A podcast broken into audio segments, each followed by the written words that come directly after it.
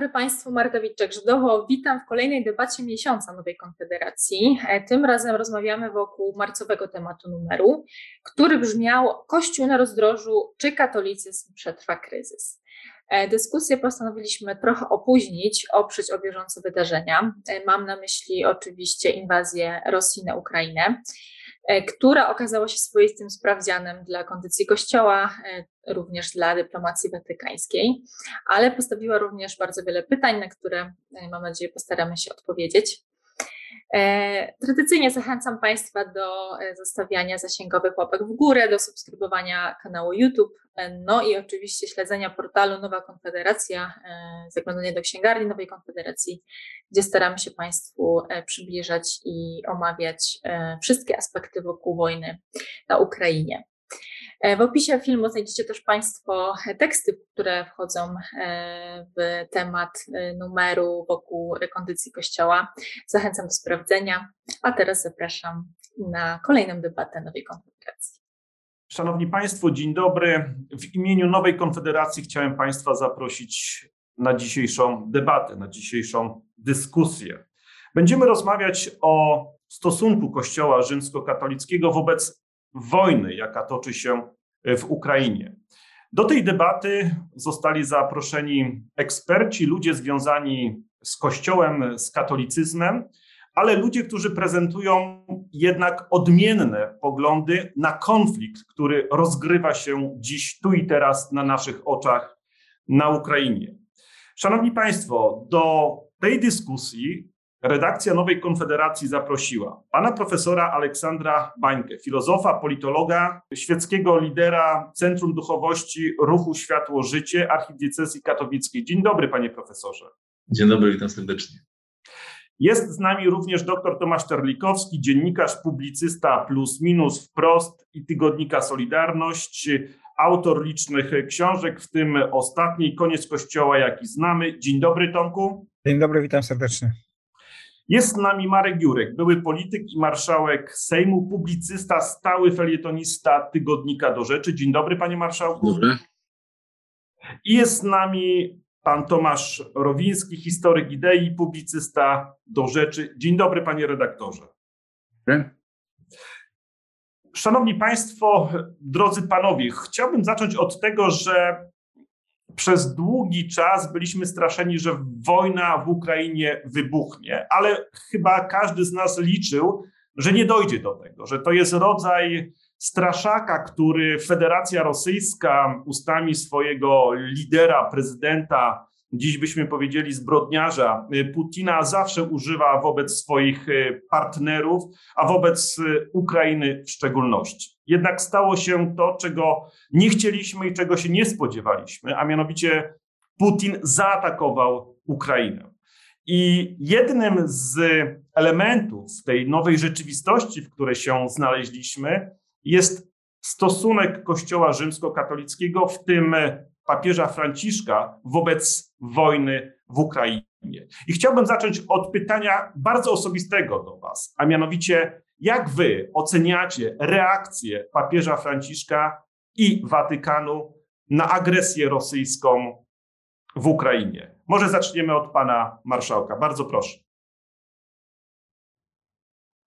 Ja myślę, że ta, ta y, reakcja nie jest zaskakująca, dlatego że to, że w każdej sytuacji e, Kościół, a szczególnie y, papiestwo, będzie dążyć do y, pokoju, że w jakiś sposób mm, papiestwo będzie wierne e, tej e, zasadzie Piusa XII, która może budzić kontrowersje, ale która znakomicie się broni, że mm, bez wojny nic nie jest stracone, z wojną wszystko może być E, stracone, to jest zrozumiałe. Natomiast oczywiście najwięcej kontrowersji wywołały poszczególne gesty e, papieża, bo żyjemy w, taki, w takich czasach, że tak zwane gesty papieskie no, bardziej docierają do opinii światowej, do e, wiernych, często nawet mają większy wpływ formacyjny niż, niż akty magisterialne, niż nauczanie. No i tutaj na przykład no, duże wzburzenie wzbudziła ta y, deklaracja Ojca Świętego, że nie ma wojny sprawiedliwej, y, no, idąca y, wbrew no, całej tradycji filozofii katolickiej i filozofii klasycznej. Zasada wojny sprawiedliwej oznacza przede wszystkim to, że wojna powinna, że każda wojna powinna być przedmiotem analizy moralnej, że jako rzeczywistość ludzka nie można jej tak sobie zbyć, jak Ryszard Kapuściński, absurd, tam bezsensowny przelew krwi i tak dalej, tylko że one powinny być przedmiotem poważnej analizy. To na pewno wywołało, to na pewno wywołało, wywołało y, y, poruszenie. No, też e, te mm, takie wyraźnie widoczne, y, skrupulatne starania Ojca Świętego, żeby nie dotknąć strony rosyjskiej, to litowanie się nad żołnierzami strony najeźdźczej i tak dalej, no też wywołało zupełnie zrozumiałe poruszenie. Natomiast ja chcę wyjaśnić jedno może na początek, że mnie nie zaskakuje to, że yy, Ojciec Święty jest przeciwny egzaltacji wojennej, dlatego że katolicyzm zna pojęcie wojny sprawiedliwej, wie właśnie, że wojna jest rzeczywistością moralną, która podlega potępieniu albo, albo uzasadnieniu, która może być słuszna albo, albo może być niesprawiedliwa, która po prostu jest takim tragicznym aktem ludzkiej wolności, której czynimy dobro lub zło ale jednocześnie Kościół, w pełni doceniając e, cnotę wojenną, jest przeciwny egzaltacji wojennej, bo celem nawet każdej wojny, w ogóle warunkiem sprawiedliwości jest perspektywa pokoju. E, jest również świadomość kosztów wojny, więc to tutaj mnie zupełnie nie zaskakuje, bo obowiązek, taka odpowiedzialność za tych, który, którzy giną, ja nawet skonkretyzował no, słyszenie apelu Ołeny Zełenskiej, żebyśmy nie przyzwyczajali się do wojny, no, jest całkowicie jest całkowicie y, zrozumiałe. Jak, jak zawsze, no, wielu ludzi, wielu ludzi mówi, że powinniśmy mieć zaufanie do starań pokojowych. Ja chciałbym, ja bardzo liczę na wszelkie starania pokojowe, obojętne czy to będą stolicy apostolskiej, czy to będą y, y, rządu tureckiego, byle ten pokój był adekwatny. No oczywiście wszyscy musimy w tej sytuacji unikać fideizmu, dlatego że, dlatego że po pierwsze papież apeluje często, żeby nie ulegać klerykalizmowi. Na pewno fideizm, takie fundamentalistyczne traktowanie autorytetów jako swego rodzaju guru i tak dalej, na pewno nie jest, nie jest katolicki, tym bardziej, gdy mamy do czynienia z aktami odpowiedzialności politycznej stolicy apostolskiej, które, jak wiemy z historii, no, podlegają ocenie. Wspomniałem stosunek Piusa XII do wybuchu II wojny światowej. On jest dyskutowany bardzo dobrze i tak samo trzeba trzeźwo rozważać to, co y, robi Rzym. Więc w moim przekonaniu, jak mówię, no był cały szereg gestów, aktów, które wywoływały rozczarowanie. Y, jeszcze jedna uwaga, to, że Kościół nie wskazuje, y, że, że Rzym nie wskazuje, że imiennie nie piętnuje agresora i tak dalej, to jest historycznie mniej istotne, jak to, że wskazuje ofiarę, bo to jest bardzo ważne, żeby było jasne, kto jest ofiara, wskazując ofiarę implicite, również stwierdzamy, kto jest agresorem. I myślę, że to jest najważniejsza poza wszystkim. Tak uprzedzając inne wątki naszej dyskusji, uważam, że najważniejsze, co w ostatnich e, tygodniach Rzym zrobił, to jest e, e, poświęcenie Rosji i Ukrainy niepokalaną sercu Matki Bożej. To jest, niektórzy mówią, to jest akt duchowy, symboliczny. Nie, to jest akt nadprzyrodzony i to jest coś niezwykle ważnego, co się stało. Pan marszałek raczej ze zrozumieniem e, próbuje opisać stanowisko Stolicy Apostolskiej, a jak sprawę widzi e, pan profesor Aleksander Bańka? Bardzo proszę, panie profesorze. E, to znaczy, ja na dwóch płaszczyznach spróbuję to zinterpretować. Pierwsza, taka zupełnie osobista, mam osobiście, to znaczy tak zupełnie po ludzku, kiedy patrzę w siebie, tak, w moje, w moje ja, tak, powiem, że oczywiście moje emocje domagają się czegoś bardzo takiego radykalnego. Ja bym chciał tutaj, e, mówię tak zupełnie po ludzku, słyszeć e, jak gdyby dokładnie taki akt do nazwania, czy wręcz potępienia, bo jak gdyby potrzebuje to, tego jakaś taka moja ludzka część, prawda? Ale ja tej mojej ludzkiej części akurat w tym aspekcie nie dowierzam do tego, że e, jak gdyby widzę, że to nie są te emocje, które bym chciał słuchać. I myślę sobie, że akurat w tym aspekcie, podobnie jak pan marszałek, że ja nie sądzę, żeby mogło to stanowisko być inne, bo ono się po prostu wpisuje najzwyczajniej w pewną politykę e, Watykanu od dłuższego czasu konsekwentnie realizowaną, a więc właśnie w tą, w tą politykę nie do nazywania e, wprost imienia nazwiska e, agresora i Watykan stara się utrzymać pewną, pewną neutralność i stara się grać na rzecz pokoju, prawda?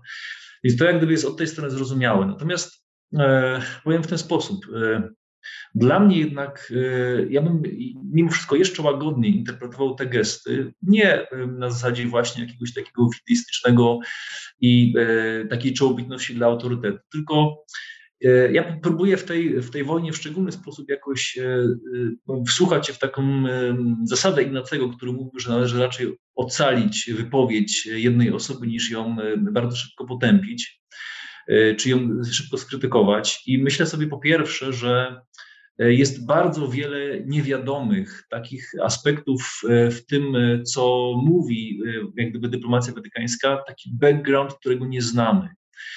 Oczywiście my się możemy domyślać bardzo wielu kwestii, ale jednak dointerpretujemy pewne, pewne rzeczy trochę na czuja, prawda, mówiąc kolokwialnie. W związku z tym ja się obawiam zbyt gwałtownych, zbyt radykalnych, zbyt szybkich wypowiedzi, bo one e, po czasie mogą się same falsyfikować nawet. Druga sprawa, e, ja myślę sobie tak, że jednak mimo wszystko staram się szukać w tej wypowiedzi i w tych wypowiedziach czy w gestach Ojca Świętego coś głębszego, niż tylko takie jak gdyby szybkie e, e, spuentowanie tematu e, taką ideą, że wojna sprawiedliwa jest niesprawiedliwa. Bo wydaje mi się, że to się wpisuje nie tylko w, jakby w pewną strategię mówienia o wojnie która, i o pokoju, która od dłuższego czasu jest w, w narracji watykańskiej obecna, ale ona się w ogóle wpisuje w tę strategię mówienia o godności, o wartości człowieka. E, bo, bo proszę też zobaczyć, co się dzieje. Gdybyśmy chcieli, e, ja, ja, to, ja to słyszę w wypowiedziach papieża, jeżeli byśmy chcieli dointerpretować tę ideę zgodnie z tym, jakby, jak papież ją pokazuje, to wydaje mi się, że akcent jest następującą kwestię, to znaczy my mamy prawo się bronić, tego prawa nikt nie neguje, ale ze względu właśnie na wartość, na godność człowieka, na podstawowe wartości, na, na, na człowieczeństwo, na to, co konsekwentnie e, w związku z kwestią życia jest artykułowane przez Kościół.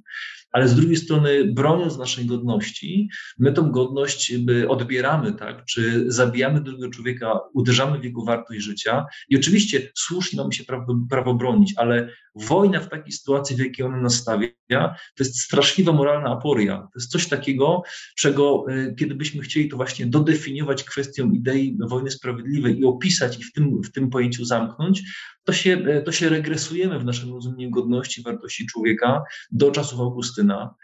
I wydaje mi się, że y, to nie jest ten kierunek, że kiedy papież akcentuje tak silnie ideę pokoju, tak silnie pokazuje, że wojna sprawiedliwa jako idea no, nie mamy lepszej na dzień dzisiejszy, ale ona nie może nas uspokoić. Tak? My, my nie możemy jak gdyby w tą ideą zamknąć tego, te, te, te, tego dramatyzmu wojny.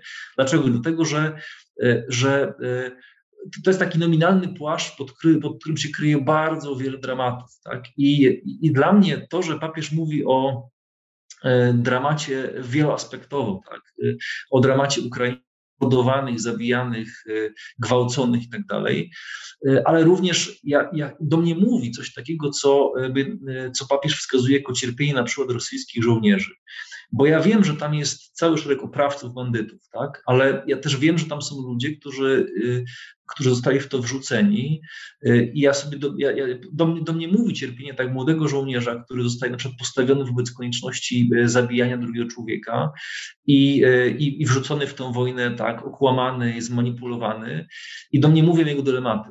Tak? I, i, I do mnie mówi fakt, że to jest też jakieś cierpienie, którego nie chcę najzwyczajniej przykryć takim czarno-białym obrazem y, y, sprawiedliwość, niesprawiedliwość, dobro, zło po jednej czy po drugiej stronie. Myślę sobie, że, y, że papież próbuje zmieścić się w tych wszystkich niuansach i, y, i dla mnie jak gdyby z tego względu staram się przychylnie patrzeć i, i wsłuchać w to, co, co papież mówi. I powiem szczerze, tak jak gdyby kończąc tą moją część, do mnie Czyli ja nie mam tam braku. Tak? Jeżeli papież mówi o, o, o mordowanych, o zabijanych Ukraińcach, o, o, o przerwaniu tej rzezi, to ja nie mam wątpliwości, kto jest agresorem. Ja, ja, nie potrzebuję mieć go nazwanego z imienia nazwiska, bo ja słyszę w tym e, jak gdyby znaczy, dla mnie ta, ta, ta, ta, narracja jest przejrzysta w tym aspekcie, tak? Oczywiście mam cały szereg rozmaitych zastrzeżeń co do tego, jak e, pewne kwestie artykułuje i, i powiedzmy dyplomacja watykańska, tego powiedzmy trochę niższego poziomu. E, mam poczucie tego, że jest duża rusofilia ogóle w strukturach watykańskich, jeśli chodzi o powiedzmy dyplomację. Mam też świadomość tego i zgadzam się z tym, że są pewne, pewne też nadziałości Kościoła e, południowoamerykańskiego, ale to jest jak gdyby osobny temat. Tak? Do tego będziemy jeszcze wracać. W takim razie przejdźmy może do redaktora Terlikowskiego, który z racji tego, że do tej pory raczej prezentował dość szeroko stanowisko negatywne, więc pewnie będzie mm, także i tutaj prezentował inny, bardziej krytyczny punkt widzenia wobec postawy Watykanu. Więc Tomku, mm, jak odniesiesz się raz do tego, co prezentuje Watykan, ale także może, żeby wejść od razu w polemikę do tego, co powiedzieli twoi przedmówcy. Bardzo proszę. Ja bym powiedział, mm, e, zacząłbym od tego, że być może trzeciorzędną sprawą jest to, czy papież wymienia Rosję, czy jej nie wymienia ostatecznie. Ja oczywiście bardzo długo mm, mówiłem i nadal uważam, że Rosja powinna być wymieniona z imienia, ale to jest ostatecznie kwestia drugo- czy trzeciorzędna. Pierwszorzędna kwestia to jest taka, że mamy dość spójną linię, zarówno symboliczną papieża Franciszka, chociaż ta linia mm, e, no nie jest jednoznaczna, jak i mamy dość spójną z tą linią, linię dyplomacji watykańskiej. To nie jest tak, że mamy z jednej strony linię Franciszka, a z drugiej strony sprzeczną z nią linię dyplomacji watykańskiej. Przy pewnej interpretacji te linie są zgodne.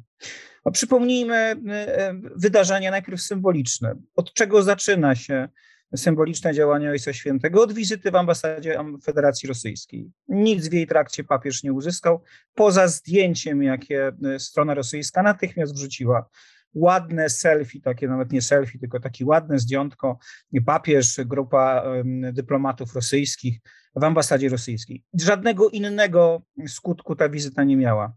E, I od tego się zaczęło i już wtedy Watykan zaczął mówić, że to jest działanie profetyczne. Ogromna większość, a może inaczej, część katolików, w tym także ukraińskich katolików, zwracało uwagę na to, że tego profetyzmu nie widać. E, oczywiście Stolica Apostolska tłumaczyła, że wizyty w ambasadzie Ukrainy nie było, bo nie było ambasadora Ukrainy w tym czasie w Watykanie, ale dodajmy, ambasador Ukrainy w Watykanie już jest, a wizyty dalej nie ma.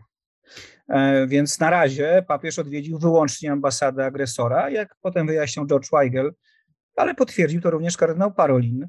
E, no, odwiedził po to, żeby zadzwonić do Putina, ale Putin jego telefonu nie odebrał.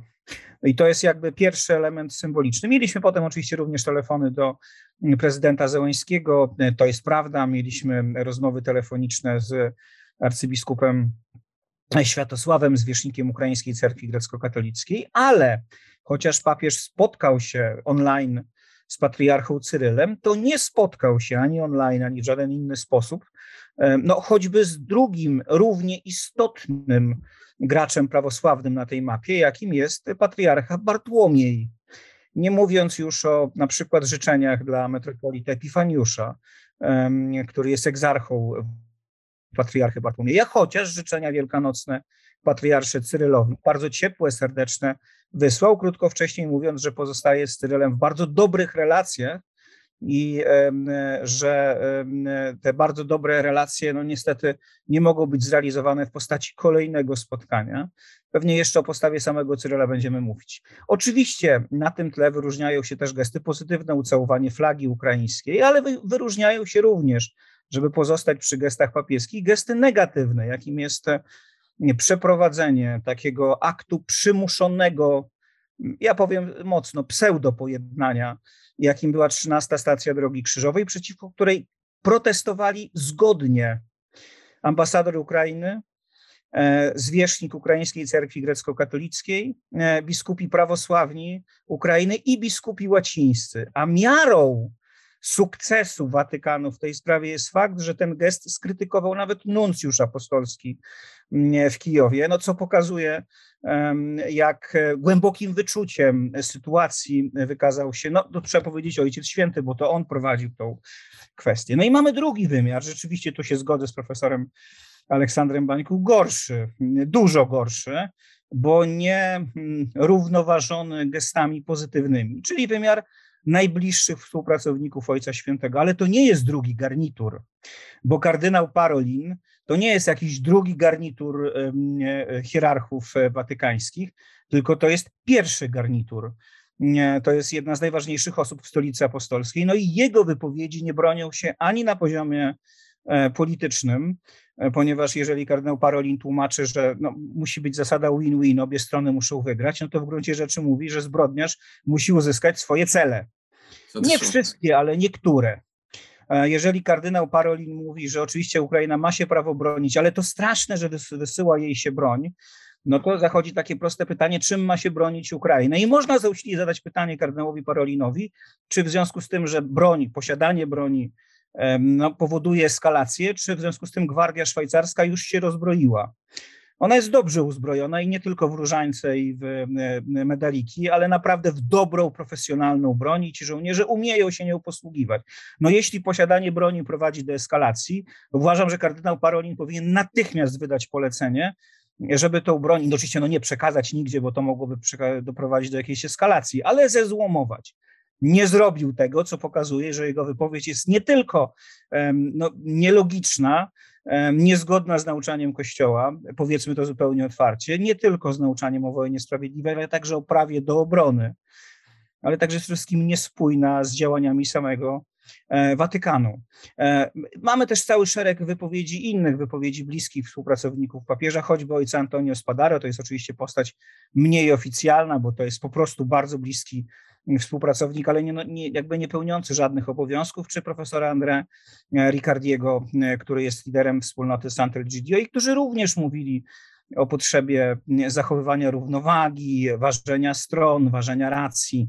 E, no, wspominali o tym, że NATO no, odpowiada za tą wojnę, bo zbyt blisko podeszło do Ukrainy, co jest już wypowiedzią nie tylko idiotyczną, ale nieprawdziwą, bo przypomnijmy, NATO siedem lat temu powiedziało, że Ukrainę E, do NATO nie przyjmie. W związku z tym e, no, powtarzanie propagandy rosyjskiej e, przez bliskich współpracowników papieża, no to niestety nie jest i tych najbliższych, to niestety nie jest wyraz tylko profetycznego gestu, ale jest po prostu to wyraz ulegania putinowskiej propagandzie. No i wreszcie, co może też warto rozważyć, jest tu bardzo silnie obecna jakaś taka no, ja na razie powiem naiwność, chociaż moim zdaniem pod tą naiwnością kryje się zimny geopolityczny interes e, relacji z rosyjską cerkwią prawosławną. Taka naiwność e, powracająca w kolejnych wypowiedziach i zwodzenie Ukraińców jeszcze do tego. To są te dwa elementy, o których chciałem powiedzieć na końcu. Zacznijmy od zwodzenia Ukraińców. No, wiemy, że od samego początku, najpierw mery Kijowa Kliczko apelował do papieża o przyjazd do Kijowa. Wiemy, że później oficjalnie z tą prośbą zwrócił się także prezydent Ukrainy. Zwrócił się z tą prośbą również Kościół e, ukraiński, e, grecko-katolicki i biskupi łacińscy. Jest bardzo jasno wyartykułowana prośba. Dla kontrastu, kiedy prezydent Andrzej Duda i metropolita Sawa zaprosili patriarchę Bartłomieja e, do Polski, minął równo tydzień od momentu zaproszenia do momentu przybycia. E, no, właśnie mija drugi miesiąc tej wojny, już minął drugi miesiąc tej wojny. Mniej więcej od sześciu tygodni zaproszenie leży na stole. Usłyszeliśmy od papieża wprawdzie, że on bardzo poważnie to rozważa, ale potem zaczął się taniec zwodzenia Ukraińców, zarówno ustami papieża, jak i jego bliskich współpracowników. A na koniec usłyszeliśmy, że papież nie może przyjechać do Kijowa, od najpierw od ojca Antonio Spadara, a potem od samego papieża, no bo to nie skończy wojny. A poza tym nie wszyscy będą zadowoleni a poza tym to nie będzie gest pojednania, tylko co innego. No i oczywiście możemy opowiadać, że to są profetyczne gesty, ale jeśli fakt, że coś nie kończy czegoś, to jest e, argument za tym, żeby tego nie przeprowadzać, no to ja zadam pytanie, po co ofiarowano, to będzie złośliwe pytanie, bo ja się zgadzam, że ten gest był bardzo ważny w przestrzeni nadprzyrodzonej. Dlaczego ofiarowano Rosję i Ukrainę niepokalanemu sercu Maryi, chociaż tego samego dnia, nawet nie następnego, dalej toczyła się wojna. Jeśli fakt, że ludzie nie przestają grzeszyć, e, ma być argumentem za czymkolwiek, to dlaczego chodzimy dalej do spowiedzi? Ten argument papieża po prostu się kupy nie trzyma, niestety. E, I bardzo mocno pokazał to chociaż bardzo delikatnie biskup Edward Kawa, który zresztą w materiale e, pokazywanym przez Radio Watykańskie mówił, no my naprawdę bardzo czekamy. Tu nie chodzi o wielką politykę, tu nie chodzi o wielkie um, układy, tu chodzi wyłącznie o to, żeby do tych ludzi, którzy są skrzywdzeni, przyjechał ich ojciec. No ale ojciec Antonio Spadaro mówi, papież lubi dotykać otwartych ran. Pomijam już, że różnie można rozumieć e, to sformułowanie ojca Antonio Spadaro, ale dopiero wtedy, kiedy już jest gdzieś spokój w innej sytuacji on nie przyjedzie. I to jest pierwszy wymiar, to znaczy zwodzi się Ukraińców, po czym się mówi, ale jednak nie przyjedziemy, bo nam to jest nie na rękę, bo tak naprawdę za tymi szczytnymi słowami kryje się bardzo dyplomatyczna racja. Nie opłaca nam się. Nie wiemy, jakie będą skutki tego na przykład w relacjach z rosyjską cerkwią prawosławną, a na nich nam bardziej zależy. I to jest już wprost artykułowane przez dyplomatów watykańskich, niż na relacjach z Ukraińcami. No i drugi element albo dobra, na razie tyle. Miałem powiedzieć jeszcze o drugim, ale przyjdzie czas, żebym powiedział o następnym. Dobrze, w takim razie no, mamy zarysowane co najmniej dwie perspektywy tutaj, czyli to bardziej mm, akceptujące postawy Watykanu, którą prezentował pan marszałek i pan profesor, e, i no, bardzo krytyczne stanowisko e, Tomka Terlikowskiego, więc teraz przechodzimy do redaktora Tomasza Robińskiego. Do Tomku, e, czy ty będziesz próbował łączyć te dwa sposoby myślenia, czy zaprezentujesz e, jeszcze inny punkt widzenia? Bardzo proszę. Chyba ani nie będę łączył, ani też e, chyba nie zaprezentuję innego. To znaczy, mnie stosunkowo bliska jest ta krytyka, którą Tomek przeprowadza od kilku tygodni, mm, jednak działań Stolicy Apostolskiej bardzo jakby szeroko zarysował ten problem. Wydaje mi się, że w dużej mierze skutecznie. Ja bym tu jeszcze mógł dodać takie elementy, taki jeszcze szerszy kontekst, ponieważ e, e, pytałeś na początku o pierwsze wrażenie, tak? No to moje pierwsze wrażenie powiedzmy po tygodniu było takie. Często papieżom z przeszłości zarzucało się, że milczą, mówi się, że papieże milczeli w sytuacji jakichś konfliktów. Ja sobie pomyślałem, dlaczego papież nie milczy, tak? dlaczego wykonuje te gesty, które są po prostu odbierane jako fałszywe. Bo czym innym jest intencja? My strasznie już mamy taką tendencję do wchodzenia i badania intencji papieża. W polityce nie liczy się tylko intencja, to jak dane gesty są odczytywane. No i te gesty były odczytywane, mm, znaczy były odbierane jako fatalne, tak? W wielu, wielu przypadkach, właściwie w całej takiej, nazwijmy to, opinii publicznej którą jakby jest, byliśmy w stanie mm, zebrać jako rezonującą w naszym tym kręgu politycznym. E, ale e, wydaje mi się, że warto też właśnie powiedzieć o takim szerszym kontekście, bo na przykład, kiedy krytykuje się, nie wiem, papieża tam Piusa XII, czy Jana Pawła II za reakcję na II wojnę światową, czy na konflikt w Rwandzie, to dobrze jest zauważyć, że, mieli, że oni obaj występowali w innym, innej perspektywie niż papież Franciszek, kiedy jakby zaczął swoją pewnego rodzaju taką akcję propokoj, propokojową, tak sobie to nazwijmy, mm, w czasie tej wojny, e, wojny e, na Ukrainie, dlatego że mm, pamiętam, że Pius XII to lata 30. to są trzy encykliki antytotalitarne, prawda? E, Piusa XI, jeszcze z czasów Piusa XI, znane zaangażowanie Piusa XII w formułowanie antytotalitarnych e, postulatów, kiedy jeszcze był kardynałem. Więc e, można powiedzieć, że. No i też oczywiście mamy taką sytuację, że zmieniły się media. Tak, dzisiaj reakcje są szybkie. E, to, co dzieje się w świecie dyplomacji, zaraz znajduje się na ekranach naszych e, monitorów. Jeśli chodzi o Jana Pawła II, także inny był kontekst. Jakby stanowisko Jana Pawła II w sprawie praw człowieka było oczywiste. Tak? Był już weteranem, można powiedzieć, też walki z totalitaryzmami w, latach 90 jakby jego pewna, pewien rodzaj takiej figury, tak, jako polityka i przywódcy duchowego była dosyć jasna. Papież Franciszek prowadzi moim zdaniem złą politykę międzynarodową od dawna. To nie jest kwestia e, e, wojny na Ukrainie, a to jest tylko konsekwencja pewnych, pewnego sposobu myślenia i działania, który mamy na przykład w stosunkach z Chinami, tak, gdzie e, ewidentnie powtarzana jest pewnego rodzaju taka polityka Kazarolego, prawda, gdzie, gdzie występują kontakty, niesamowicie takie ciepłe e, słowa ze strony Stolicy Apostolskiej wobec e, reżimu, e, totalitarnego reżimu chińskiego, naprawdę.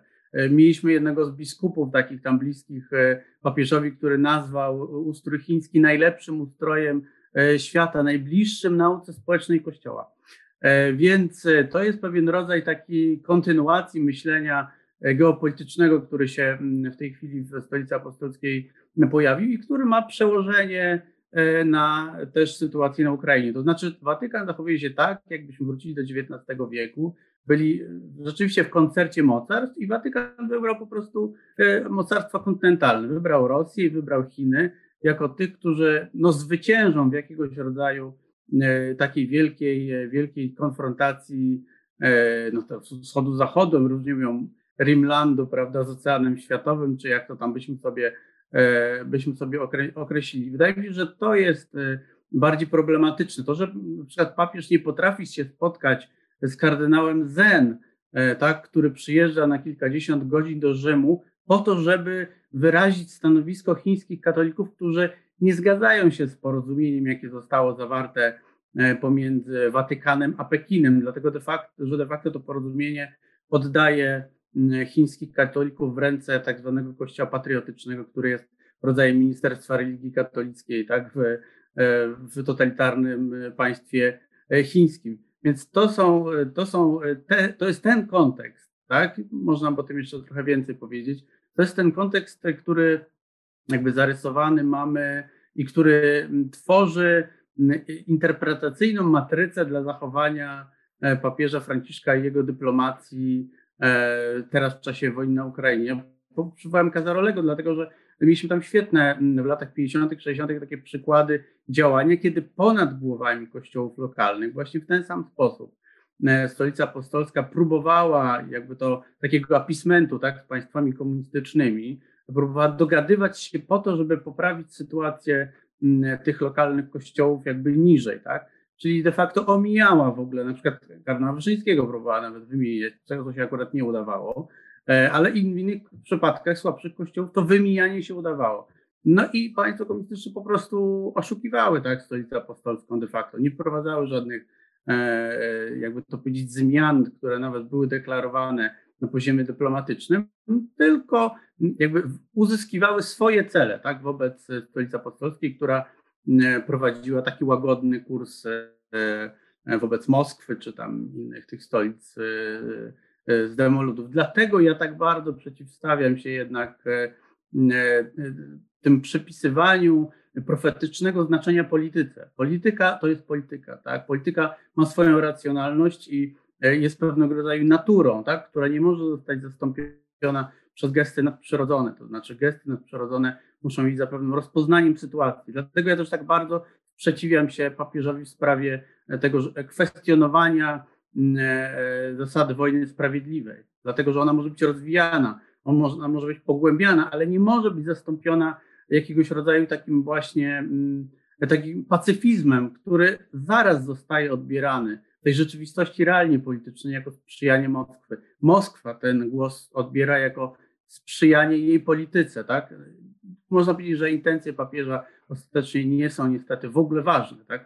ponieważ polityka się nie rozgrywa w sferze intencji, tylko się rozgrywa e, w sferze działań, gestów, e, pewnego napięcia sił. No tego jakby nie da się przeskoczyć. Watykan, instytucja apostolska jest podmiotem polityki międzynarodowej i też e, musi te zasady brać pod uwagę, inaczej będzie traktowana, tak jak w tej chwili jest traktowana, jako pewien rodzaj takiej religijnej przebudówki jednak polityki Krymu. No, ja to niestety w taki sposób odbieram i widzę, że ten odbiór Mm, e, że nie jestem w tym odbiorze, jakby to powiedzieć, e, zupełnie samotny. Samotny, tak. Rzeczywiście ja tutaj chciałbym przejść e, do drugiego pytania, które wiąże się z tym, o czym mówi mm, Tomasz, a mianowicie i to jest pytanie do pana marszałka, który zresztą chyba nawet wskazywał, że w kilku miejscach adwocem chce zabrać głos. Czy czy to nasze, nasze zakłopotanie, które też wydaje mi się jest obecne w tej dyskusji, nie wynika z pomylenia tych dwóch porządków? To znaczy, że wierni oczekują od Watykanu przywództwa religijnego, profetycznego, a dostają czy próbę przywództwa politycznego. I panie marszałku, pytanie jest y, do pana, no, jako wytrawnego też mm, polityka. Czy to nie jest y, podstawowy kłopot, jaki dzisiaj mamy z postawą Watykanu, że on, będąc instytucją religijną, zachowuje się tak, jakby był instytucją polityczną. I dlatego my mamy kłopot. Panie marszałku? No, na, na, na, początek wyjaśnienie, te moje gesty, tam znaczki, to miały charakter afirmatywny. A. Okay, no. Dwukrotnie włączyłem to w odniesieniu do, tom, do, do trzech, obu Tomaszów, no, w sumie trzykrotnie. ostatnio w sprawie chińskiej do Tomka Rowińskiego. Dlatego, że po pierwsze, mówiąc najkrócej, to czego ja oczekuję od stolicy apostolskiej również w tym wymiarze dyplomatycznym, to afirmacji i działań na rzecz, w tym konflikcie, na rzecz niepodległości bezpieczeństwa Ukrainy, która jest stroną napadniętą. No i oczywiście oczekuję tego, żeby opis tej, bo to jest, żeby opis tej sytuacji był w kategoriach prawdy, w kategoriach prawdy i prawa naturalnego, czyli prawdziwych zasad i, i prawdy po prostu. Natomiast to, Jaki jest poziom dosłowności, to jest druga rzecz. W moim przekonaniu, ja mam zastrzeżenie do tego, co i, i, i do opisu mojego stanowiska, bo ono jest bardzo krytyczne wobec tego, co się dzisiaj dzieje, tylko w moim przekonaniu nagle mm, niektórzy z komentatorów, to się nie odnosi do Tomka Rowińskiego absolutnie, niektórzy z komentatorów e, tak nagle zareagowali, jakby stało się coś dziwnego w trakcie tego pontyfikatu, podczas gdy to, co się dzieje, wynika zarówno z tego, co y, obserwujemy od y, wielu lat, czy w ogóle co obserwujemy w Kościele od y, pół wieku. Tomek mówił o sprawie chińskiej. No, tam mamy cyberkomunizm. Ja w tej sprawie postawiłem kwestię czysto ludzką kiedyś, pisząc o tym. Co właściwie, wyobraźmy sobie młodego 25-letniego inżyniera, który jest katolikiem, urodzonym i wychowanym w kościele podziemnym nawrócił swoją narzeczoną, przekonał ją do chodzenia na y, msze w kościele y, podziemnym. I co on ma teraz powiedzieć swojej e, żonie na przykład? Albo i rodziców, albo i rodzicom o jej poświęceniu. Natomiast no, od Ojca Świętego y, słyszeliśmy w trakcie tego pontyfikatu, to był jeden z takich, to w czasie wywiadów to Ojciec Święty tak łatwo rzuca różne uwagi, że prawdziwi chrześcijanie to, że komuniści to są prawdziwi e, chrześcijanie.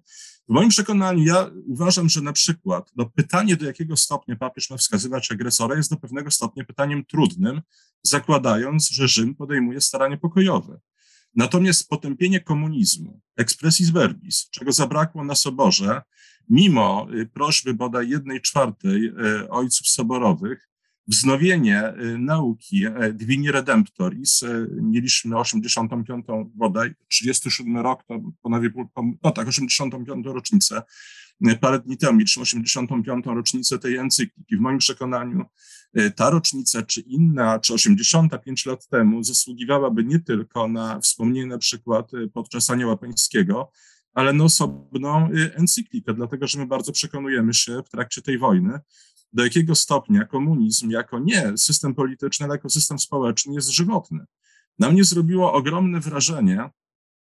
Słuchałem w programie Dariusza Roszaka jego rozmowy w Wielką Sobotę z ojcem Krupą, który jest e, duszpasterzem, e, który, który, która pracuje w Petersburgu. W kościele katolickim on mówił o postawach wśród katolików. Ludzi całkowicie immunizowano, są nie, zupełną mniejszością i tak powiem mniejszością odrzucano. Do jakiego stopnia propaganda sowiecka, po prostu sowiecka, do jakiego stopnia te mentalne, mentalne struktury propagandy sowieckiej funkcjonują wśród Rosjan, żyjących nawet w najbardziej nietypowej e, e, e, sytuacji. Potępienie komunizmu, nawet w wypadku papieża, bez wskazywania Związku Sowieckiego, chociaż w wypadku autorytetów politycznych wskazanie Związku Sowieckiego jest konieczne i i, to, że tego nie słyszymy, że słyszymy te skandaliczne wypowiedzi, którą Tomek zacytował, tego dostojnika watykańskiego, który mówił o tym, że E, Chiny komunistyczne są wzorem realizacji katolickiej nauki społecznej, mimo polityki jednego dziecka, mimo prześladowań Kościoła, zupełnie y, unikatowych prześladowań Kościoła, dlatego że odmawia nawiązania stosunków dyplomatycznych ze stolicą apostolską przez całe lata, przeciwko, nawiasem przeciwko czemu protestował, czy o co apelował o regulację tej sytuacji protestancki prezydent Bush, autorytety y, y, w państwach katolickich często traktowano to obojętnie, no to są rzeczy zupełnie niebywałe. Dla mnie ta sytuacja, to o czym panowie mówicie, ja się dziwię waszemu zdziwieniu, dlatego że jak porównamy na przykład to, co się dzisiaj dzieje z tym, co się działo w czasie wojny wietnamskiej, y, słynna afera kardynała Spellmana, który no, był też kapelanem, nie tylko arcybiskupem Chicago, ale kapelanem Armii Stanów Zjednoczonych, który poleciał na pasterkę w 1967 roku, tam w okolicach ofensywy TED do y, Saigonu i na pasterce powiedział, że Stany Zjednoczone są tym dobrym Samarytinem świata, który idzie tam, gdzie narody są sponiewierane przez komunizm i pomaga y, zaatakowanym. I ta fala ataków, że jak on mógł w czasie, kiedy Paweł VI podejmuje inicjatywy pokojowe, jak on mógł coś takiego powiedzieć? W chrześcijaństwie od początku widzimy ogromną pokusę e, utopizmu, która od początku, czytając listy Pawłowe, list do Rzymian, drugi list do Tesaloniczan, która od początku jest odrzucana, ta pokusa utopizmu. Ale ten irenizm, niechęć opisywania rzeczywistości w kategoriach prawa naturalnego, sprawiedliwości, odpowiedzialności, e, koniecznych lojalności, E, również koniecznej lojalności e, Rzymu, jego naturalnych relacji. Dla mnie to, że Ojciec Święty martwi się, e, martwiłby się, czy martwi się o katolików w Rosji, jest zupełnie zrozumiałe. Mm, natomiast to, że jednocześnie centrum Kościoła jest częścią świata chrześcijańskiego czy świata katolickiego, to jest druga rzecz. No my się temu wszystkiemu dziwimy, jakbyśmy nie, nie pamiętali, do jakiego stopnia na ołtarzu ekumenizmu byli poświęcani grekokatolicy i to zarówno w czasach prześladowań, kiedy na Ukrainie, czy w innych krajach, gdzie grekokatolicy żyli na Węgrzech, w Rumunii, e, w czasach, kiedy byli e, prześladowani i później grekokatolicy obrządku bizantyjskiego, e, którzy mm, wierność prawdzie o prymacie Piotrowym poświęcali, potwierdzali znoszeniem prześladowań i tak dalej, byli traktowani jako zawali droga w tak zwanym ekumenizmie. Więc w moim przekonaniu to dzisiejsze nastawienie irenistyczne, y, ta y, niechęć traktowania konfliktów społecznych jako rzeczywistości ludzkiej, w której trzeba chronić ludzi, w których są potrzebne państwa, autorytety czy ustalone y, zasady postępowania, konieczne do tego, żeby utrzymać, tutaj się zgadzam z profesorem Bańką, to minimum pokoju, minimum ochrony ludzi, które jest możliwe, porzucenie tego stylu myślenia na rzecz takiej e, utopijnej moralistyki, no to jest coś, co widzimy od długiego czasu mm, w Kościele, wobec czego my katolicy musimy zajmować stanowisko, y, no, opierając się na, na tych trzech źródłach, na których katolik się powinien opierać, to znaczy Piśmie Świętym, Magisterium Kościoła i zdrowej filozofii, e, czyli zdrowym rozsądku. Do, tego można zdrową filozofię też e, zredukować jako jej narzędzie. My musimy to robić, ale to mówię, to nie jest absolutnie sytuacja y, zaskakująca.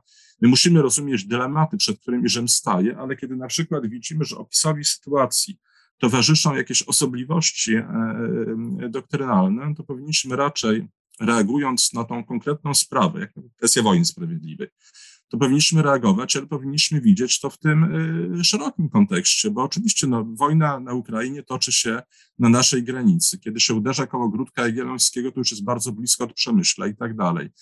Y, my mamy bliskie relacje z Ukrainą, my to przeżywamy, bo to jest kraj sąsiedni, ludzie przyjeżdżają do nas się ratować y, i tak dalej.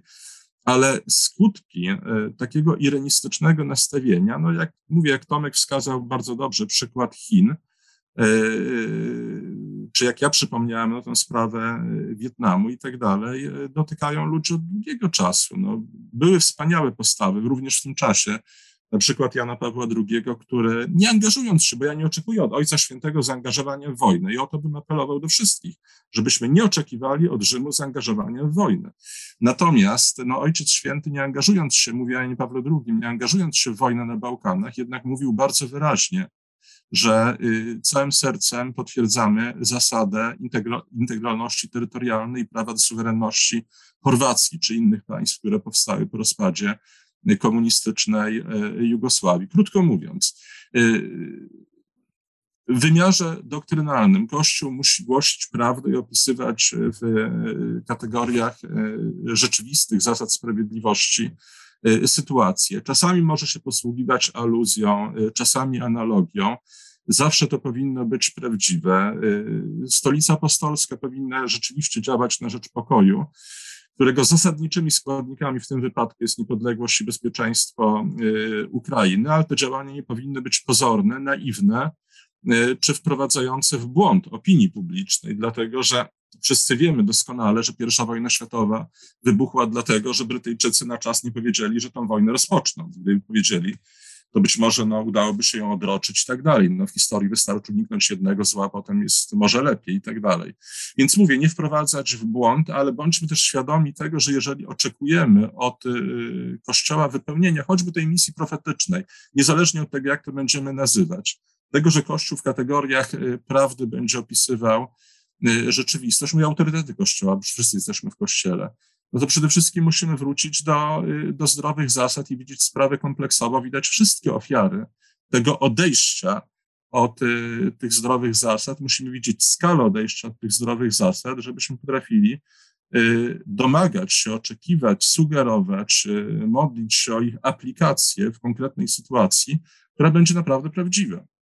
Dziękuję. W takim razie y, ja widzę podniesioną rękę i pana profesora, i Tomka Terlikowskiego, ale chciałbym wrócić do Tomka Rowińskiego, który, że tak powiem, wszedł um, chyba najgłębiej w tą perspektywę polityczną. I dlatego, Tomku, gdybyś mógł krótko odpowiedzieć, bo pan marszałek mi trochę uciekł e, w rozważania teologiczne, mm, gdybyś mi odpowiedział na to pytanie, które postawiłem. To znaczy, że ludzie oczekują, ludzie wierni oczekują od Watykanu, zachowania religijnego, właśnie profetycznego, a dostają dyplomację powściągliwą albo e, kalkulację polityczną. Czy to nie jest problem, z którym my musimy się mierzyć? Tomku?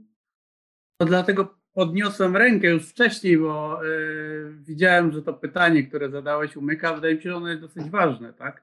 Y, bo ja nie zgadzam się na ten rodzaj rozdzielenia. To znaczy, ja zostanę zgodnie może ze swoim trochę, e, jakby to powiedzieć, charyzmatem publicystycznym przy polityce. To znaczy, uważam, że po prostu stolica apostolska uprawia złą politykę.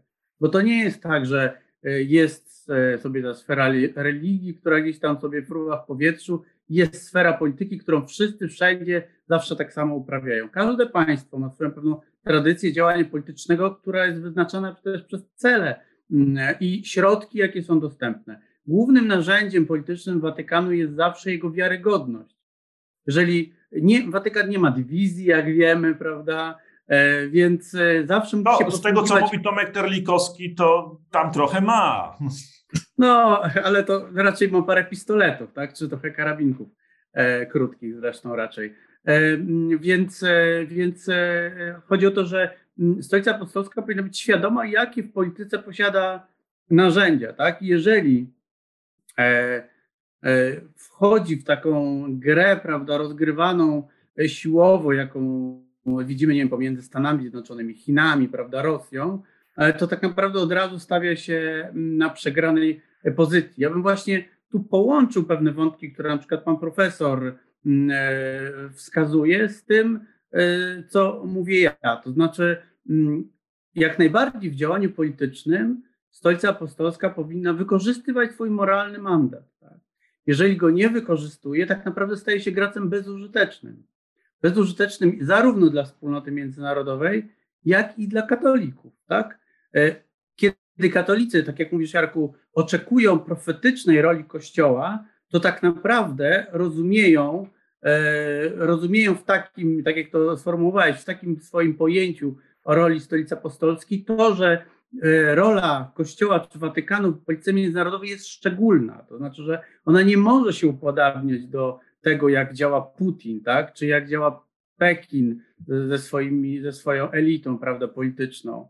To nie znaczy, że ma całkowicie bujać w powietrzu i posługiwać się racjonalizmem, e, tak, e, głosząc, że pokój, pokój, wszędzie pokój, tak, ale nie podając żadnych narzędzi, chociażby takich moralno-teoretycznych, tak, do tego, jak ten pokój powinien być osiągnięty. Moim zdaniem to, co Watykan powinien zrobić, ja nie jestem za potępianiem, bo to nie jest rzeczywiście Watykan, jakby Stolica Apostolska w zbyt trudnej pozycji by się postawiła, gdyby użyła słowia, słów potępiam. No zresztą w ogóle nie chcę w tym czasie, w, tych, w naszej epoce Stolica Apostolska się takie, tego typu narzędziami posługiwać, ale werbalne przywrócenie sprawiedliwości, tak?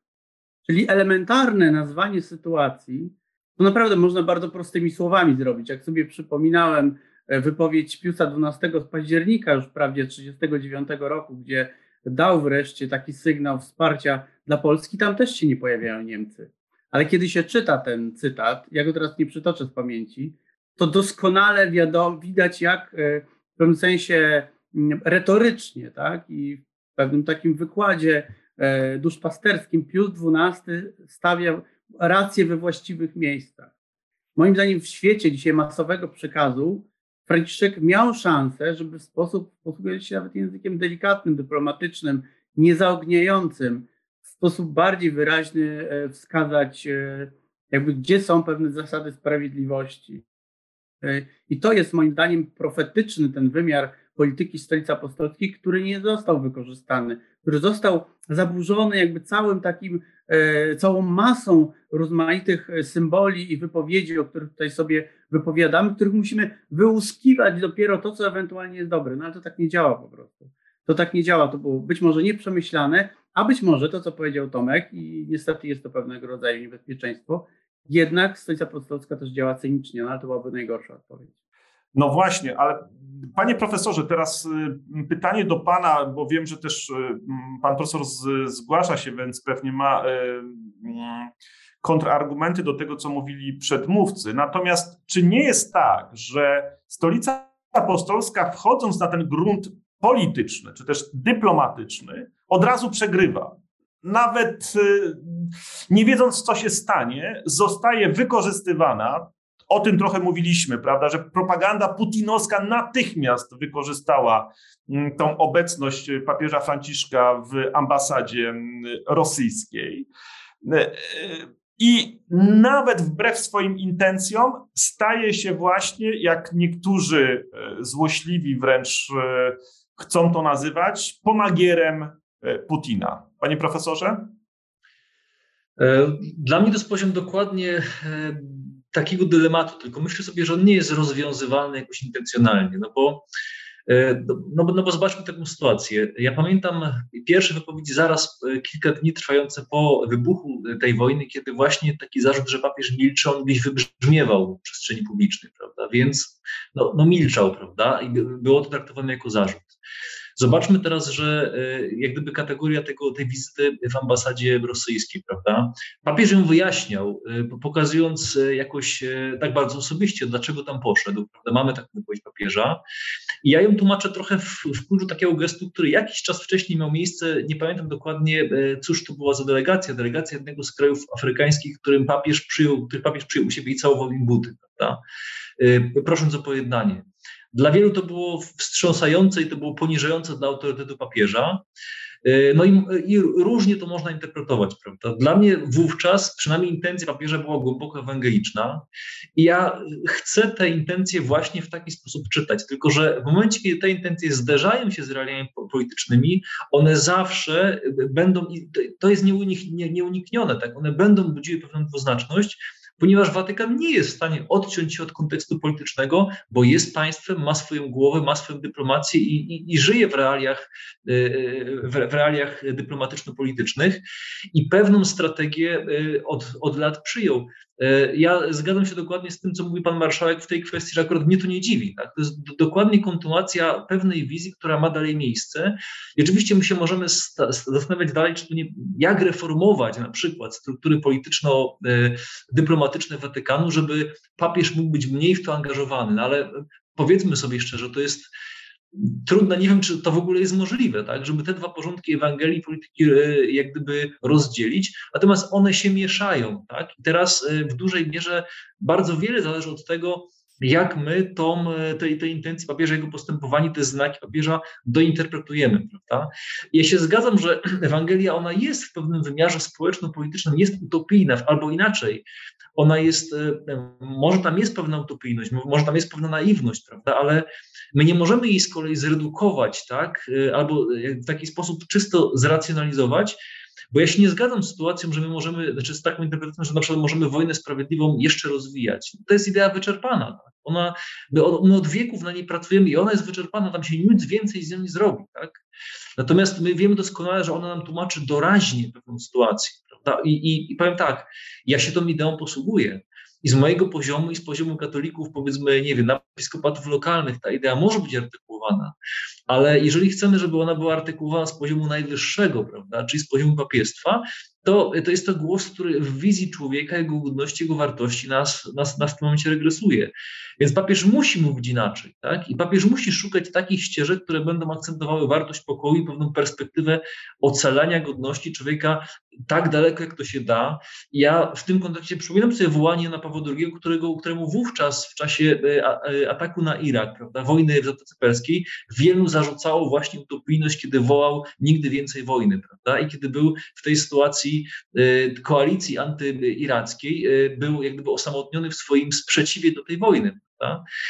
I e, a po, a po, czasie okazało się, że to, mimo wszystko ta sytuacja w Zatoce Perskiej nie była tak krystalicznie jednoznaczna, jak ją wówczas, jak ją wówczas przedstawiano. I ja, wydaje mi się, że my będziemy zderzali się przez długi czas, przez wiele, wiele lat, jeszcze nie wiem, czy kiedyś z tego wyjdziemy, z takiej perspektywy, że że e, jak gdyby e, przekaz Ewangelii, on nie przystaje do sytuacji e, człowieka, znaczy przekaz społeczno-polityczny Ewangelii, on się nie da zredukować do pewnych rozstrzygnięć, które nam załatwią opis tak, sytuacji wojennej. E, czy, czy w sytuacji konfliktów międzyludzkich. I wydaje mi się, że, że, że to, co mówi papież, o to zawsze musi pokazywać horyzont, do którego dążymy, nawet jeśli on jest dla nas tu i teraz w pewnych realiach nieosiągalny. Ale ja nie chcę, żeby papież, bo osobiście, ja nie chcę, żeby papież wpisywał się w swojej narracji, tak, w taką właśnie typowo czysto polityczną grę, gdzie na przykład będzie mówił jednym głosem z, z, z, z przedstawicielami czy z reprezentantami poszczególnych e, państw, które, którzy jednym głosem potępiają Putina i agresję rosyjską, a jednocześnie pod stołem dalej kręcą jak gdyby ekonomiczno-polityczne lody właśnie z tymi strukturami powiedzmy rosyjskimi czy wprost z Putinem. Dla mnie to jest jakaś głęboka nieszczerość. Nie chciałbym, żeby się papież wpisywał w tę narrację. Dla mnie głos profetyczny to jest głos właśnie y, takiego jak najbardziej czysto ewangeliczny, który papież musi artykułować i do którego ja mam poczucie na dzień dzisiejszy, że ja, że, że ja do niego nie dostaję, że my nie dostajemy do niego, tak? I że to jest pewien horyzont, do którego dążymy, natomiast który na dzień dzisiejszy się nie, nie potrafimy zmieścić. I dla mnie narracja o wojnie sprawiedliwej jest do jakby przyjęcia jak najbardziej, bo ona jest częścią jak gdyby interpretacji, która jest bardzo, która jest Ewangelii wyprowadzana, tak? Tylko, że, e, że ja chętnie e, sam o tej idei będę mówił i będę ją jak gdyby e, wspierał na poziomie episkopatów lokalnych, na poziomie poszczególnych nas, tak? My możemy tą, tą, tą ideę artykułować. Natomiast jeżeli papież by zaczął ją artykułować jako rozwiązanie tej koncepcji, powiedzmy, wojny, to dla mnie to jest za mało, tak? I to jest droga w przeciwnym kierunku. Więc ja mam świadomość tego, że to, że, że i, dlatego ja też staram się, e, mówię to zupełnie wprost, nie krytykować tych wypowiedzi krytycznych wobec papieża, tak, które gdzieś wybrzmiewają w przestrzeni publicznej, bo ja rozumiem to napięcie, w którym my jesteśmy. Ja rozumiem, że to nie ma jednoznacznych jak gdyby diagnoz e, i ja e, nie chciałbym być w sytuacji papieża, tak, na szczęście nie muszę w tej sytuacji być i poruszania się między tym napięciem jak gdyby polityczno-dyplomatycznym, a ewangelicznym. Ja mam wrażenie, że papież chce być ewangeliczny i że, że, i że w tym kierunku podąża. Natomiast e, no, siłą rzeczy to będzie chropowate. Tak? I, I, w dużej mierze zależy, jak my to będziemy czytali. I także e, jak gdyby przeczytanie tego w, w, w gremiach Kościoła jest niejednoznaczne. E, a to, że jest głos bardzo jednoznacznie negatywny w wielu jak gdyby środowiskach, ja myślę sobie, że jednak on jest czasami zbyt szybki, tak, zbyt szybko artykułowany i ja osobiście próbuję hamować tak, moje emocje po to, żeby lepiej zrozumieć, co się za tym kryje po prostu. Dobrze, dziękuję. To w takim razie przejdźmy do Tomka Terlikowskiego. Krótko, żeby zakończyć ten element polityczno-kościelny. Ostatnio jechałem z mm, profesorem z Uniwersytetu Śląskiego, który jest osobą niewierzącą. E, I oczywiście rozmawialiśmy o y, stosunku Watykanu wobec E, wojny w Ukrainie. I było bardzo dla mnie ciekawe i pouczające, że on powiedział, że on ma kłopot, aby tak szybko, to co mówi pan profesor, e, skazać papieża Franciszka na to, że, że on jakby nie dorósł, nie rozumie tego, co się dzieje w Ukrainie, że za jakiś czas być może dojdą sytuacje pokazujące okropieństwa wojny także z drugiej strony, bo to jest wojna. Wojna jest zawsze złem, prawda? Gdzie jest dramat, gdzie jest cierpienie, gdzie jest tragizm i gdzie mm, strona y, ukraińska być może też mm, okaże się tak brutalna jak strona rosyjska. Y, oby nie. Ale, i to pytanie do Tomka, czy ta wstrzemięźliwość nie jest właśnie, mm, mówię o Watykanie, e, czy ona nie jest dyktowana tym, że, że, no, że, oni, że Watykan boi się, krótko mówiąc, zainwestować w jasne poparcie i wskazanie, mm, że prawda e, jest po stronie y, Ukrainy właśnie z tego powodu, że znamy, jakie są konsekwencje tego, kiedy dochodzi e, do wojny. Tomek? Kłopot polega na dwóch rzeczach. Po pierwsze, nie wspierając i nie inwestując w Ukrainę, e, Watykan inwestuje w relacje z patriarchą Cyrylem. Nieustająco. No, my wiemy, co błogosławi patriarcha Cyryl. I powiem tak, no, w przestrzeni politycznej, jak się coś wybiera, to się ponosi tego odpowiedzialność. To po pierwsze. Po drugie, ja się nie zgadzam z tym, że jeżeli teoria wojny sprawiedliwej jest adekwatna, to papież ma jej nie stosować, e, bo ona jest logicznym, ewangelicznym wyjaśnieniem, czy próbą zastosowania kryteriów moralnych do sytuacji, która oczywiście jest głęboko zła, co do tego nie ma wątpliwości, ale musimy ją jakoś interpretować, bo ona istnieje. I z tej perspektywy nawet jeśli Ukraińcy będą popełniać zbrodnie, to oni będą, to ładnie pokazuje Michael Walzer, człowiek niewierzący generalnie, raczej o lewicowych poglądach, ale świetnie pokazujący no właśnie siłę, jaka jest, wcale nie wyczerpanie, tylko siłę, jaka jest w kategorii wojny sprawiedliwej. Bo on mówi bardzo po prostu, mówi, może być wojna sprawiedliwa prowadzona czy której elementy są prowadzone niesprawiedliwymi środkami. Wtedy oceniamy te niesprawiedliwe środki, co nie zmienia faktu, że wojna jest sprawiedliwa. Może się zdarzyć, że Ukraińcy w odpowiedzi na niemoralne działania Rosjan zastosują działania nieadekwatne i my je ocenimy jako niemoralne. Tylko to w niczym nie odbierze sprawiedliwości tej wojny. To prosty przykład podaje Wolser, ja nie chcę teraz wchodzić w to, czy on ma w pełni rację, ale on mówi naloty, naloty na cele cywilne, jakie zlecił Winston Churchill w czasie II wojny światowej, na cele cywilne niemieckie, one to nie były naloty na cele wojskowe, przy okazji nie bombardowano miast. To były wyłącznie naloty na cele cywilne. On mówi, to było działanie niemoralne. I Wielka Brytania miała tego świadomość. Dowódca wojsk, które przeprowadzały te naloty, jako jedyny nie otrzymał tytułu szlacheckiego po II wojnie światowej, bo było wiadomo, że no, no, wykonywał rozkazy, zrobił to najlepiej jak potrafił, ale zachował się niemoralnie. Więc to w ogóle w niczym nie zmienia oceny moralnej tej wojny. To znaczy, będziemy ją, będziemy oceniać poszczególne działania, natomiast wojna ta jest sprawiedliwa z perspektywy um, Ukrainy i co do tego nie ma wątpliwości. Ale ja bym dodał jeszcze jedną rzecz. Otóż ja nie wiem, jakie są intencje Ojca Świętego i nie zamierzam się nimi zajmować, dlatego że ostatecznie ja nie mam wglądu w jego intencje. Ja mogę powiedzieć, jakie są skutki jego działań. Skutki jego działania są takie, że on nie chcąc się wpisać w chór, nazwijmy go Stanów Zjednoczonych, jego zachowanie jest interpretowane jako uczestniczenie w chórze jego przeciwników. Czego doskonałym przykładem jest ostatnia wizyta Wiktora Orbana w Watykanie. No, widać było, że obaj panowie nie są zachwyceni swoją obecnością na zdjęciach, no ale to jest pewien symboliczny gest. Orban nie bardzo miał gdzie pojechać, więc pojechał do Watykanu, papież go przyjął i, no i tak to wyglądało. Natomiast ja bym powiedział, dla mnie niebezpieczeństwo istotne kryje się w tym, i to już krótko tylko powiem, że my próbujemy mistyką, religijnością, profetyzmem przykrywać złą politykę. To znaczy, ta polityka jest zła nie dlatego, że jest profetyczna, tylko dlatego, że opiera się na błędnej diagnozie.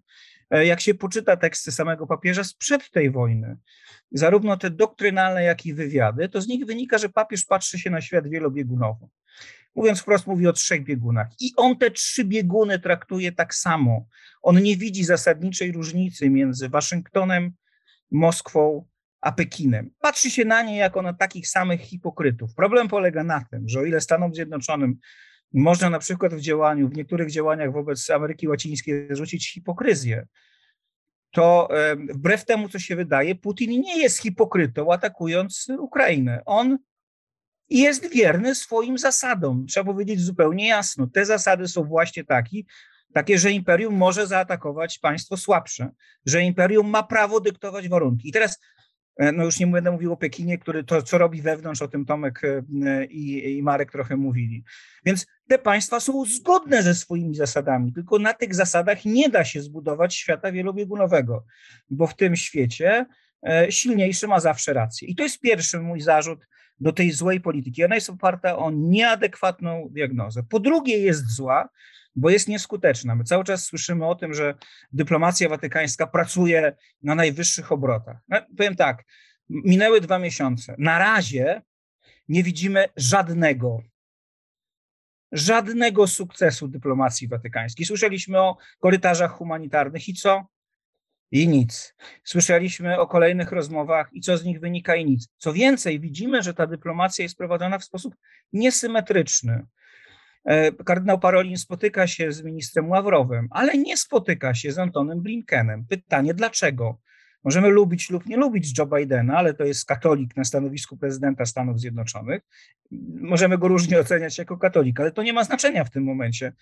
Wydawać by się mogło, że spotkania z prezydentem Stanów Zjednoczonych są równie ważne jak spotkania z Ławrowem e, czy z Blinkenem. Mamy Borisa Johnsona i też nie ma, nie ma w ogóle interakcji, więc ona jest nieskuteczna na poziomie politycznym i nieskuteczna na poziomie religijnym, bo my cały czas słyszymy, że ona jest taka, żeby utrzymać dobre relacje z prawosławiem. No tak, tylko my już widzimy, że rosyjska cerkiew prawosławna na naszych oczach traci znaczenie. Jeśli rzeczywiście ukraińska cerkiew prawosławna patriarchatu moskiewskiego odpadnie, a wszystko wskazuje na to, że prędzej czy później odpadnie od Moskwy. I jeśli to jest dłuższy proces, bo bardzo trudny, bo te dwa kościoły, prawosławna cerkiew Ukrainy i, prawo, i ukraińska cerkiew prawosławna mają wiele zaszłości, ale jeśli te cerkwie się kiedyś e, po, połączą i jeśli, a są takie sygnały płonące od ukraińskich grekokatolików, jeszcze do nich się dołączą grekokatolicy, którzy będą mieli dosyć takiego traktowania, o jakim mówimy, ale nawet jak się nie dołączą, bo to, to jest oczywiście już pieśń dalekiej przyszłości, to i tak rosyjska cerkiew prawosławna, jeśli chodzi o liczbę księży, i praktykujących prawosławnych stanie się nawet nie drugą, tylko trzecią cerkwią na świecie. Inwestujemy w dialog z cerkwią, inwestujemy także jako Kościół własną wiarygodność, która za chwilę na skutek własnych działań stanie się trzecią cerkwią, bo pierwszą będzie ukraińska, ale my w dialog z ukraińską cerkwią prawosławną nie inwestujemy, zostawiamy ją na boku. Drugą jest rumuńska, bardzo chętna do dialogu z Kościołem katolickim i też nie słyszymy o jakimś dialogu papiestwa z rumuńską cerkwią, a jest to choćby z tego powodu ważne, że decyzje rumuńskiej cerkwi prawosławnej mają znaczenie dla uznania autokefalii i kanonicznego statusu cerkwi na Ukrainie, a także dlatego, że zwierzchnik Światowej Rady Kościołów, ksiądz Joan Sausi, jest duchownym rumuńskiej cerkwi prawosławnej. Tych rozmów nie mamy. Po trzecie, ta, ta polityka jest nieprawdziwa antropologicznie, o tak bym powiedział, oparta na nieprawdziwych założeniach antropologicznych. Kilka dni temu papież udzielił takiego wywiadu dla La Nation e, argentyńskiego pisma i tam powiedział między innymi, no mówił też o tym, że kilku kardynałów powiedziało, że za kilka dni już skończy się wojna. No kilka dni od tamtego czasu już minęło. Jak widzimy, wojna trwa w najlepsze, co pokazuje, że źródła informacji e, dyplomatycznych papieża no, nie są najmocniejsze, ale to już zostawmy. Wygłosił też taką wojnę, mówiąc, że taką tezę, że wojna jest czymś nieadekwatnym dla naszych czasów. No i ja zadaję takie pytanie, od kiedy to chrześcijaństwo przyjmuje ideę postępu natury ludzkiej? Oczywiście postęp w pewnych sprawach następuje, ale w innych następuje regres. Natomiast człowiek dotknięty grzechem pierworodnym nie zmienia się na tyle, żeby myśmy mogli, mogli powiedzieć, no dzisiaj w naszych czasach, no to już no, grzechu nie będzie, przemocy nie będzie, wojny nie będzie. No, po prostu tak nie jest. W związku z tym, jeżeli opieramy y, politykę, ale także głoszenie Ewangelii na nieprawdziwym założeniu, że postęp zaszedł tak daleko, że my już możemy zrezygnować z wojny, powinniśmy, ale nie rezygnujemy, bo taka jest ludzka natura. E, to nie jest tak, że Putin wywołał jedyną wojnę, o czym papież zresztą mówi bardzo często i bardzo mocno. Te wojny trwają na całym świecie, więc powiedzenie, że one są no, nieadekwatne, bo już nie powinniśmy walczyć, no to to jest po prostu e, no, błąd antropologiczny. No, na błędzie antropologicznym nie da się zbudować skutecznej polityki.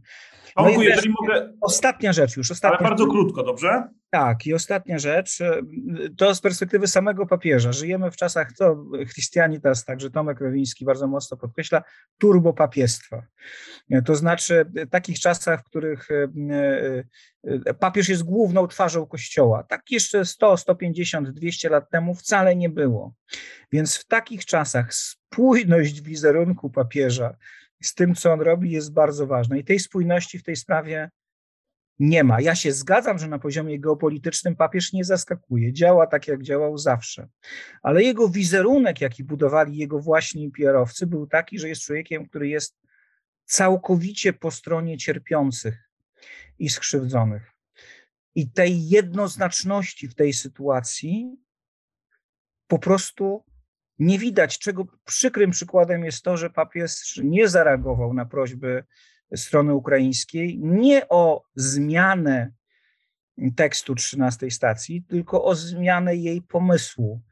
Ona została zrealizowana mimo bardzo mocnych i bardzo uniżonych próśb strony ukraińskiej. No to pokazuje, że ten wizerunek jest też niespójny z tym, co z wizerunkiem, który przez lata budowano. Ja mogę powiedzieć oczywiście, że tradycjonaliści to wiedzą, że wizerunek jedno, a twarda polityka, także wewnątrzkościelna, to drugie. Ale powiem tak, w świecie liberalnym, do, od, od, którego zacząłeś swoje pytanie, czyli ludzi niewierzących, często czytających lekturę, czytających gazety raczej e, liberalne, to ten wizerunek był właśnie taki.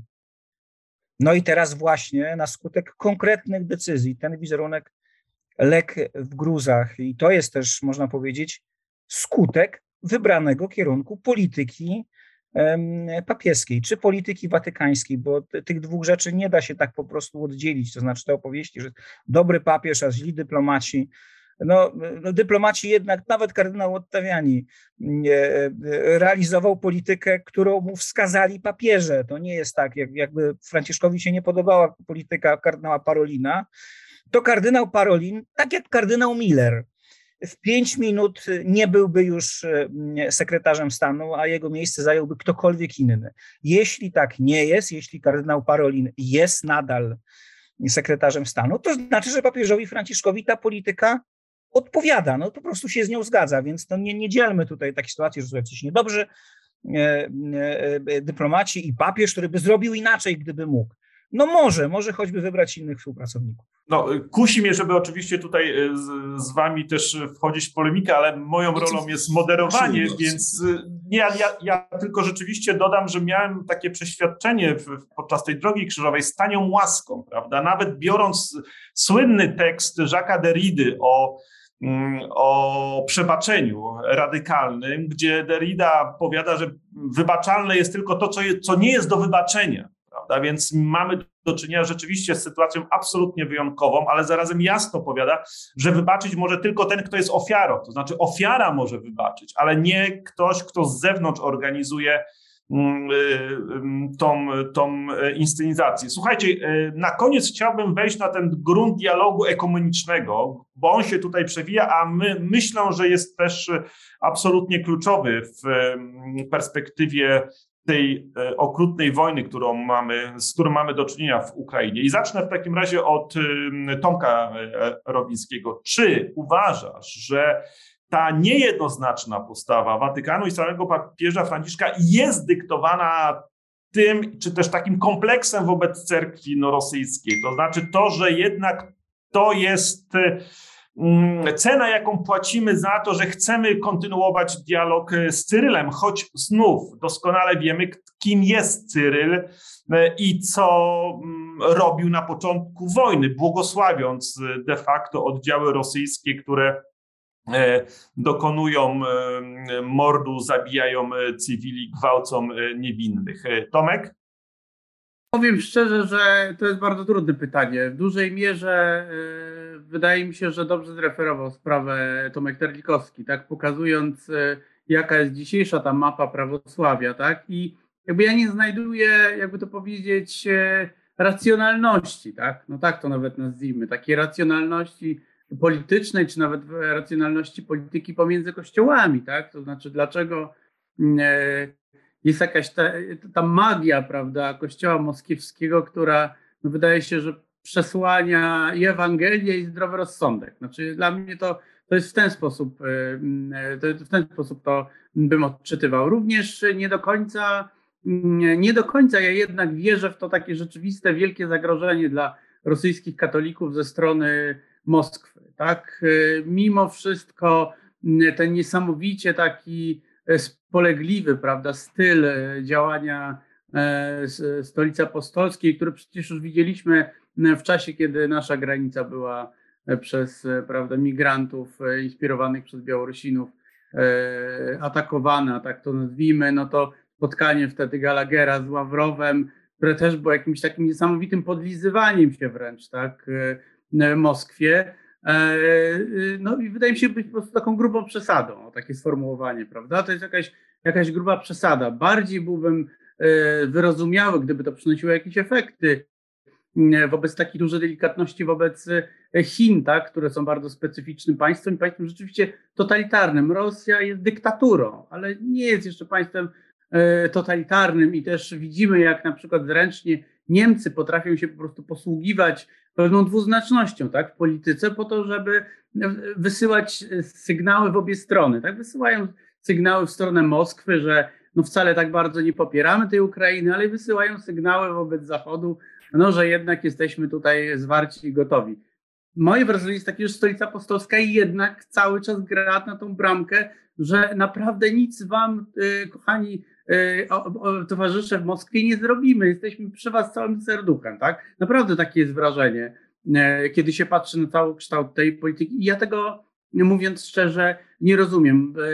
Słusznie Tomek wskazuje na to, że są te kościoły prawosławne, to rzeczywiście byłyby skłonne do jakiegoś rodzaju rozmowy z kościołem na zachodzie, tak, to sobie nazwijmy tak, kościołem katolickim, a tutaj naprawdę, kiedy słucha się tych różnych wypowiedzi, nawet Franciszka e, w czasie spotkań z Cyrylem, to przypominają się powieści Wołkowa, prawda, gdzie, gdzie widzimy świat zachodni, świat katolicki opleciony taką, prawda, e, ośmiornicą e, rosyjskiej czy radzieckiej, wtedy jeszcze agentury, gdzie właściwie cała gra katolicka jest sprowadzona do tego, żeby ostatecznie być tą zachodnią, prawda, taką placówką e, polityczną Moskwy. No, to jest literatura oczywiście, ale nie, nie da się uciec od y, takich wrażeń. Nie wiem, czy pozwolisz mi jedną rzecz na koniec jeszcze powiedzieć dotyczącą pewnej polityki, którą sobie wynotowałem, tak? Bardzo proszę. Którą, którą chciałbym dodać, dlatego że uważam, że jakby Stolica Apostolska wykonała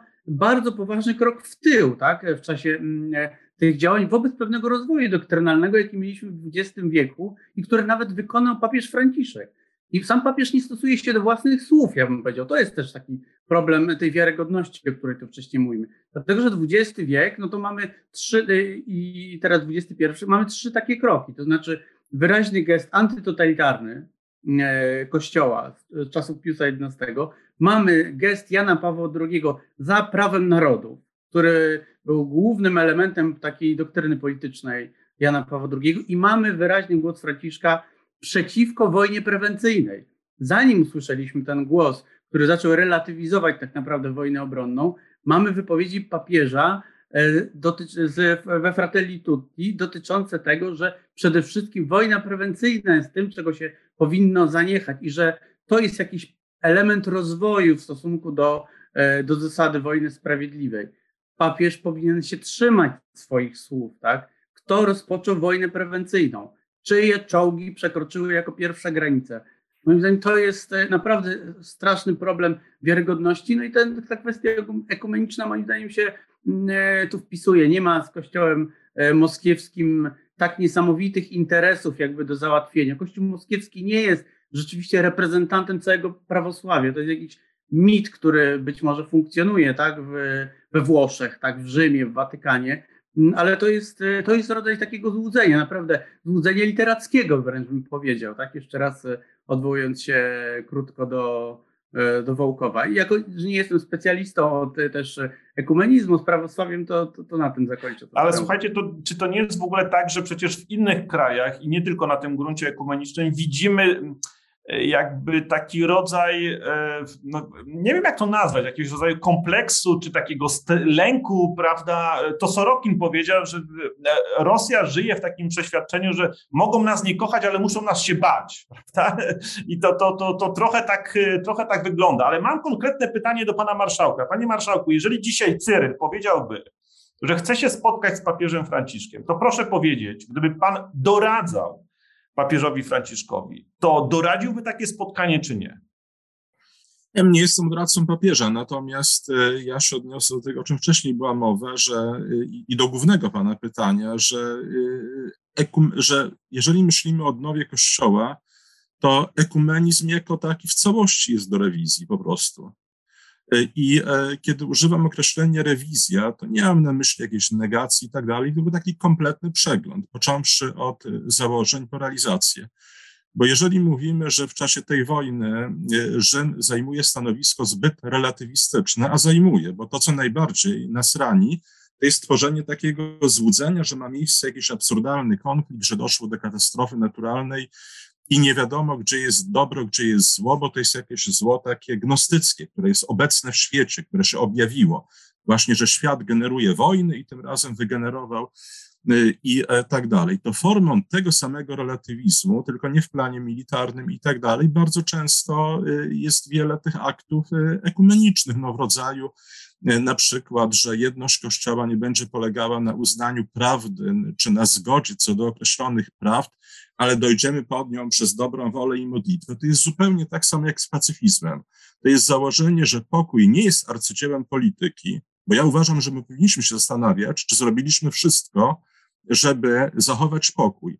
I to nie w imię utopii, bo Ewangelia nie jest utopijna, nie w imię utopii przyszłości, ale w imię retroaktywnego dobra przeszłości, tych wszystkich rozbitych rodzin, tych ludzi, którzy zginęli, tych domów, które zostały zburzone i które były bardzo względnym dobrem, ale zasługującym na istnienie, którego nie należy lekceważyć, tylko które należy zachować. I owszem, pokój jest arcydziełem sztuki polityki i w moim przekonaniu dobry dialog z innymi chrześcijanami jest bardzo cenny. Ja na przykład bardzo żałuję, że wtedy, kiedy nasi biskupi e, podpisywali ten akt właśnie z e, Cyrylem, ja uważałem, że najlepszym gestem, który być może zresztą doprowadziłby do tego, że nie było tej deklaracji, ja uważałem, że najlepszym gestem byłoby zaproszenie e, rosyjskich gości do, na cmentarz prawosławny na Woli, żeby razem złożyć wieniec na grobach kozaków kubańskich i innych rosyjskich żołnierzy, którzy polegli w obronie Warszawy przed bolszewikami w 20 roku i wspólnie przypomnieć, że komunizm, bolszewizm był złem, które tragicznie naznaczyło historię y, obu narodów. Być może to uniemożliwiłoby, ale to byłby dialog oparty na prawdzie. Y, w moim przekonaniu dzisiaj na przykład, jeżeli chodzi o te wspólnoty prawosławne, y, które bronią niepodległości swojego kraju, potwierdzenie tej prawdy naturalnej. Ja powiem, ja miałem inną propozycję nie, nie sądzę, żeby takie spotkanie było czymś rozsądnym, natomiast ja miałem inną propozycję, której zresztą dałem wyraz publicznie dla Ojca Świętego, innego apelu do patriarchy e, e, Moskwy mm, i również do autorytetów świata prawosławnego, żeby mianowicie powiedzieć, że niezależnie od całego przebiegu wojny, że po prostu wszystkie te autorytety religijne zgadzają się, że ekskomunikowani powinni być wszyscy, którzy przyłożą rękę do jednostronnego użycia broni nuklearnej. I to powinna być pierwsza reakcja na y, te pogróżki e, Rosji, Pieskowa, samego Putina i tak dalej na użycie, y, y, odnośnie użycia broni nuklearnej. I to jest zresztą najskrajniejszy przypadek tej zasady, o której Tomek mówił, którą papież e, podniósł we Fratelli Tutti. I taki apel do patriarchy Cyryla, żeby w imię odpowiedzialności za ludzkie życie ekskomunikował tych, którzy grożą ludobójstwem i tak dalej, byłby bardzo pięknym aktem ekumenicznym, bo dotyczyłby tego, co, naj, to jest, co jest najbardziej doświadczalne, to znaczy życia ludzkiego, niewinnego życia ludzkiego, który jest zagrożony na przykład dlatego, że oni wystrzelą y, taktyczną rakietę nuklearną, która uderzy w jakieś lotniska, przy okazji spali parę miasteczek i kilkadziesiąt wiosek na y, y, około. Ale powtórzę jeszcze raz, ale ten dialog ekumeniczny, tak zwany, jeżeli ma mieć jakikolwiek sens, to powinien zaczynać się od stwierdzania zgodności co do prostych praw prawa naturalnego, czy do prostych praw życia chrześcijańskiego. Natomiast chyba nie chodzi o takie, no mówię, taki konferencjonizm bez przerwy, urządzanie przyjęć, konferencji, opowiadanie sobie y, i, i tworzenie takiego wielkiego złudzenia, że w świecie, w którym żyjemy, nie trzeba dokonywać ani intelektualnych wyborów po stronie prawdy, ani moralnych wyborów po stronie dobra społecznego. Więc w tym sensie ja uważam, że znowu y, tutaj mówiąc panowie o tym y, ekumenizmie, trochę jesteście y, w tej pułapce, która nas łapie, z której, że tak powiem, w tej chwili z tej pułapki wyszły te wszystkie problemy, które mamy. Powtórzę jeszcze raz, ten relatywizm w odniesieniu do tego konfliktu zbrojnego jest częścią tego samego relatywizmu, który od wielu lat obserwujemy. Uciec z historii, stanąć poza historią, stwierdzić, że my Tymczasem ja uważam, że perspektywa ewangeliczna, y, y, nawiązując do tego, o czym pan profesor Bańka mówił, perspektywa ewangeliczna to jest perspektywa uznania za dobry świata stworzonego, że w świecie stworzonym jest zbyt wiele dóbr wartych ochrony, zachowania, ocalenia, by y, nie angażować się na rzecz pokoju, a nie stwierdzenie, że wszystkie konflikty, które się toczą, są efektem jakiegoś bezrozumnego zła pochodzącego od złego demiurga i tylko tak naprawdę ucieczka w utopię nas od tego wyzwoli, bo to nie jest Ewangelia, tylko to jest gnoza. Ale tak konkretnie mówiąc, ja bym przede wszystkim proponował takie inicjatywy, żeby na przykład Ojciec Święty zaapelował. Bardzo konkretnie, i to byłby taki przykład takiej bardzo umiarkowanej inicjatywy, o potępienie, znaczy o, o wyłączenie ze wspólnoty chrześcijańskiej, tak jak patriarcha Moskwy, kiedy w 18 roku y, potępiał bolszewików, to powiedział, jeżeli jeszcze w jakikolwiek sposób należycie do społeczności chrześcijańskiej, to wszystkich tych, których biorą w tym udział, z niej wyłączam. O potępienie na przykład wszystkich tych, którzy grożą życiem broni nuklearnej, to no, Ewangelia każe łączyć niewinność gołębią z roztropnością y, wężową. To byłby jednocześnie kapitalny akt polityczny, bo wiemy, że w tej chwili Rosja coraz bardziej okazuje się przede wszystkim mocarstwem surowcowym mocarstwem nuklearnym, bo w wojnę konwencjonalną, w wojnie konwencjonalnej miał ogromne kłopoty. Gdyby Ojciec Święty coś takiego zrobił, to byłby akt, znakomity akt solidarności z Ukrainą, ochrony innych krajów, którym grozi rosyjska agresja, i jednocześnie znalezienia tego minimum łączącego nas w tym, co najbardziej istotne, na czym w zagrożeniu dla niewinnego, przypadkowego ludzkiego życia, które może paść ofiarą kolejnego yy, moskiewskiego ludobójstwa. Stawiamy tutaj kropkę na D. Redakcję Nowej Konfederacji prosimy o wysłanie tej propozycji albo do polskiej nuncjatury, albo bezpośrednio do papieża. Propozycję, którą zgłosił pan marszałek Jurek. Teraz chciałbym do pana profesora jeszcze, bo mamy kilka, dosłownie 3-4 minuty do końca. Tutaj pani redaktor nas informuje. A mianowicie, chcesz pokoju, szykuj się na wojnę. To jest zasada polityczna. Natomiast zasada religijna, chcesz pokoju, musisz go przygotować. I moje pytanie do pana profesora, czy w ramach dialogu ekumenicznego zrobiono wszystko, żeby e, tej wojny uniknąć? Czy też właśnie mm, dzisiaj obserwujemy no, w pewnym sensie mm, kompromitację e, dialogu ekonomicznego, który został wyparty przez interes polityczny. I czy w ogóle w takim razie dialog ekumeniczny z kimś takim jak Cyryl, gdzie opadły maski i my dokładnie widzimy, że mamy do czynienia w zasadzie z pracownikiem KGB, prawda, i akolitą Putina, jest w ogóle możliwy, panie profesorze? Ja mimo wszystko uważam, że nie wiem, czy to jest jednak poziom dialogu komunicznego. To jest e, dialog, czy chyba wydaje mi się jednak poszukiwania jakiegoś e, przełożenia na Putina przez osobę, która w jakimś zakresie jeszcze może mieć na niego wpływ. Ponieważ my doskonale wiemy, że nikt inny na dzień dzisiejszy z perspektywy czy dla Franciszka nie może być przełożeniem na Putina poza, e, poza Cyrylem, prawda? I to jest jedna ścieżka, i czy warto rozmawiać? Wydaje mi się, że tak, że nawet jeśli gdzieś tam w tyle głowy mamy, że, że rozmawiamy z wrogiem.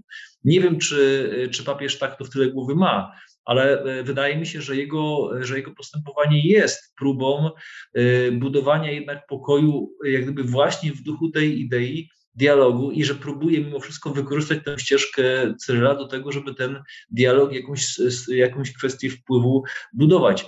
Czy to się uda? No, ja mam e, wątpliwości, czy to się uda, bo my wiemy, kim jest Cyryl, tak? ale to, kim on jest, to nam się teraz donazywa. E, natomiast uważam, że trzeba próbować. Prawda? To jest jak gdyby jedna rzecz.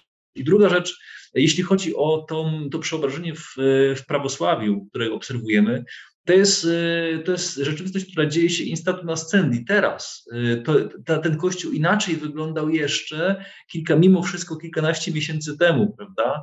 Y, to wokół wojny zaczyna się i, i, i dokładnie teraz, w ciągu tych trzech miesięcy, tu się zaczyna jak gdyby głęboka deprecjacja i dewaluacja jak gdyby pozycji e, patriarchatu moskiewskiego. Ja sądzę, że to też zmieni pewnego rodzaju perspektywy dialogu e, w przyszłości. Natomiast e, jak gdyby no pamiętajmy, że to jest coś, co się dzieje tu i teraz, więc więc to nie jest tak, że ten dialog można tak po prostu porzucić i przełożyć wajchę w kierunku innych kościołów, prawda? Oczywiście tu jest potrzebna pewna równomierność, jest potrzeba pewnego zaopiekowania y, takiego też, y, można powiedzieć, Ukrainy, prawda?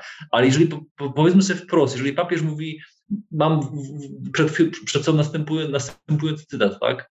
Nie ustaje niestety brutalna agresja przeciwko Ukrainie, bezsensowna masakra, w której codziennie powtarzają się rzeź i okrucieństwa. To jest 20 marca albo nie ma żadnych strategicznych powodów, które by można uwzględnić w obliczu barbarzyństwa zabijania dzieci niewinnych i bezbronnych cywilów. E, to są dwie wypowiedzi. No ja nie widzę w tym braku jak gdyby wsparcia dla Ukrainy i nie widzę w tym niejednoznaczności, tak? Natomiast e, wracam do tego, co mówiłem, jeżeli e, kończąc, że gdyby z jakiego poziomu jest wypowiedź papieża dla mnie tak silnie akcentująca pokój, która pachnie takim utopizmem. Ona dla mnie jest z takiego poziomu, mimo wszystko głębokiego namysłu jednak nad wartości, nad godnością człowieka.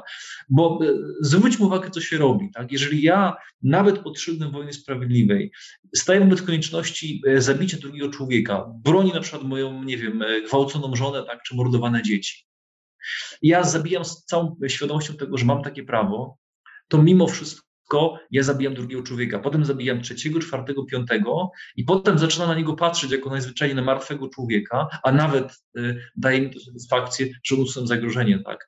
To są procesy psychologiczne, które ostatecznie powodują głęboką deprecjację idei człowieczeństwa i one są nieuchronne w doświadczeniu wojny prawda? ale y, jak gdyby one robią coś tak dramatycznie trwałego i długofalowego w rozumieniu jak gdyby człowieka i jego godności, że żeby zachować spójność z ideą właśnie naturalną prawa człowieka, jego godności, jego wartości, która się rozprzestrzenia także na inne obszary, prawo dzieci, yy, znaczy prawo do życia od, od naturalnego poczucia do, do, naturalnej śmierci, prawda? Godność człowieka, godność dzieci, godność starców, yy, kwestia nawet nie, nie karania śmiercią, prawda? To jest to, to dla mnie pewien kombajn ideologiczny, i jak gdyby papież musi tutaj szukać jak gdyby tego przełożenia na godność, na wartość człowieka. I dlatego wydaje mi się, wypowiedzi papieża, one nie idą w naiwny utopizm, one idą w próbę ocalenia godności człowieka, którą wojna, także w tym wymiarze, w którym, w którym obecnie toczymy, nawet jeśli Ukraińcy mają prawo się bronić rzeczywiście, ona tą wartość długofalowo deprecjuje. I, i może być tak, że, że, że na fali tego, co się stanie, yy, te konflikty eskalują, tak? I to nie jest, i to nie jest jak gdyby taka perspektywa nierealna. Kończę, żeby nie przedłużać. Dziękuję bardzo. Ostatnie pytanie w takim razie do Tomka Terlikowskiego. Bardzo proszę o krótką odpowiedź. Tomku, czy um, oceniając do tej pory postawę Watykanu, sądzisz, że Watykan nie przyłożył ręki do próby zaprowadzenia pokoju, natomiast stracił dużo w oczach nie tylko wiernych, bo jeżeli czytamy komentarze, to widzimy, że jest to niezrozumienie, które było także obecne w czasie tej dyskusji, ale także tych, którzy chodzą gdzieś po obrzeżach czy mm, są poza, poza Kościołem katolickim. Innymi słowy, nie zyskaliśmy nic na mm, stworzeniu warunków możliwości ocalenia pokoju, natomiast straciliśmy z punktu widzenia zachowania kolejny element wiarygodności mm, stolicy apostolskiej. Tomek? Ja bym powiedział tak, jeżeli prowadzimy politykę opartą na złej diagnozie świata, to nie może ona przynosić skutków pozytywnych. Myślę, że dość długo z różnych stron pokazywaliśmy, że ta polityka opiera się na błędnej diagnozie świata. Więc jeśli opieramy ją na błędnej diagnozie, to ona nie mogła przynieść skutków związanych z pokojem. Ja się nie zgadzam z jedną rzeczą u profesora Bańki. E, te ruchy tektoniczne wewnątrz prawosławia zaczęły się wcześniej. One oczywiście teraz nabrały siły, natomiast gdyby obserwowano życie cerkwi ukraińskiej z Watykanu, a nie skupiano się nie od czasów Franciszka tak naprawdę, tylko od czasów Jana XXIII, wyłącznie na Rosji, na Rosji, która była już wtedy, rosyjska cerkiew prawosławna, w całości przeniknięta nie agentami, tam, tam nie było agentów. Biskupi prawosławni co do jednego byli oficerami sowieckich służb specjalnych. W stopniach im wyższy biskup, tym wyższy stopień. Patriarcha Pimen był generałem, a patriarcha Aleksy II żalił się, że on jest tylko pułkownikiem, chociaż jest już patriarchą. W liście, który ujawniła prasa estońska. Więc e, od bardzo dawna na ten nacisk kładziemy i przez to także nie jesteśmy zdolni do adekwatnej reakcji. Nie kiedy procesy już nabrały tempa tak, że coś się sypie, tylko wcześniej. Więc tak, e, moim zdaniem prowadzimy złą politykę, bo mamy nieadekwatną diagnozę rzeczywistości e, i tracimy wizerunkowo. I e, niezależnie od tego, co się stanie dalej, myślę, że i to jest największa strata nawet z perspektywy polskiego kościoła, bo my cały czas mówimy o Watykanie, ale pamiętajmy, kościół na świecie, kościół w Europie, kościół w Ukrainie zdaje egzamin jak się popatrzymy na przemówienia arcybiskupa Światosława, jak się popatrzymy na zaangażowanie biskupów łacińskich, to jest maleńki kościół przecież w Ukrainie, a jego biskupi wykonują gigantyczną pracę dla Ukrainy. Jak się popatrzymy na kościół w Polsce, na fantastyczną modlitwę wielkopiątkową, która została odczytana, na ogromne zaangażowanie e, polskich parafii, e, diecezji, na świetny list arcybiskupa Gondeckiego, do patriarchy Cyryla, no to zobacz, nawet na list episkopatu Niemiec, który był bardzo jednoznaczny w ocenie tej wojny i wskazywał winnego, co z perspektywy niemieckiej wcale nie musi być oczywiste. To zobaczymy, że niestety, ale o tym się nie mówi, dlatego że te wszystkie zjawiska przykryte są postawą Watykanu, tą błędną polityką Watykanu. I efekt będzie taki, że w świecie, w którym Kościół jest utożsamiony z jedną osobą, jaką jest papież, i z jedną instytucją, jaką jest Watykan, cały Kościół, mimo że wykonuje ogromną, gigantyczną pracę w czasie tej wojny, bardzo pozytywną i w wymiarze uchodźców, będzie miał przyklejoną tą łatkę nieadekwatności. Co gorsza, papież Franciszek, który również wykonywał y, y, wiele pięknych gestów. W polityce afrykańskiej jest dużo skuteczniejszy, to prawda, ten gest wobec polityków y, południowo-sudańskich, o którym mówił profesor Bańka. To jest piękny gest i on przyniósł skutki, ponieważ był oparty na adekwatnym rozpoznaniu rzeczywistości. Ale efekt będzie taki, że za te błędy zapłaci również sam papież Franciszek. To jest bez wątpienia schyłkowy etap jego pontyfikatu. To widać w różnych wymiarach, to znaczy nie ma już tego dynamizmu, nie ma nowych pomysłów. E, ale jak powiedział kiedyś Leszek Miller, nie, nie wiem, czy do papieża to się najlepiej odnosi, ale tak. mężczyzn poznaje się nie po tym, jak zaczynają, ale jak kończą. I w obrazie medialnym ta wojna i ta nieadekwatna reakcja Watykanu przykryje wszystkie inne, także pozytywne wymiary tego pontyfikatu. No, niestety y, mamy do czynienia z, y, ostatnio z pontyfikatami, gdzie końcówki nie są, że tak powiem, y, najlepsze i nie dotyczy to tylko i wyłącznie papieża Franciszka. Szanowni panowie, bardzo dziękuję za tą dyskusję. Rozmawiamy ponad półtorej godziny, a pani redaktor Mm, dała nam czas godzina 30. Moimi i Państwa gośćmi byli pan profesor Aleksander Bańka, filozof, politolog, świecki lider Centrum Duchowości Ruchu Światło Życie. Dziękuję. Pan doktor Tomasz Terlikowski, dziennikarz, publicysta plus minus wprost i tygodnika Solidarność. Pan Marek Jurek, były polityk i marszałek Sejmu, publicysta, stały felitonista tygodnika Do Rzeczy. I pan Tomasz Rowiński, historyk idei, publicysta mm, tygodnika do rzeczy. Także ja się nazywam Jarosław Makowski i miałem e, przyjemność prowadzić tą e, debatę, a debatę zorganizowała Nowa Konfederacja. Zapraszamy rzecz jasna na stronę Nowej Konfederacji, jak również do księgarni Nowej Konfederacji. A Państwu dziękuję za uwagę. Do widzenia.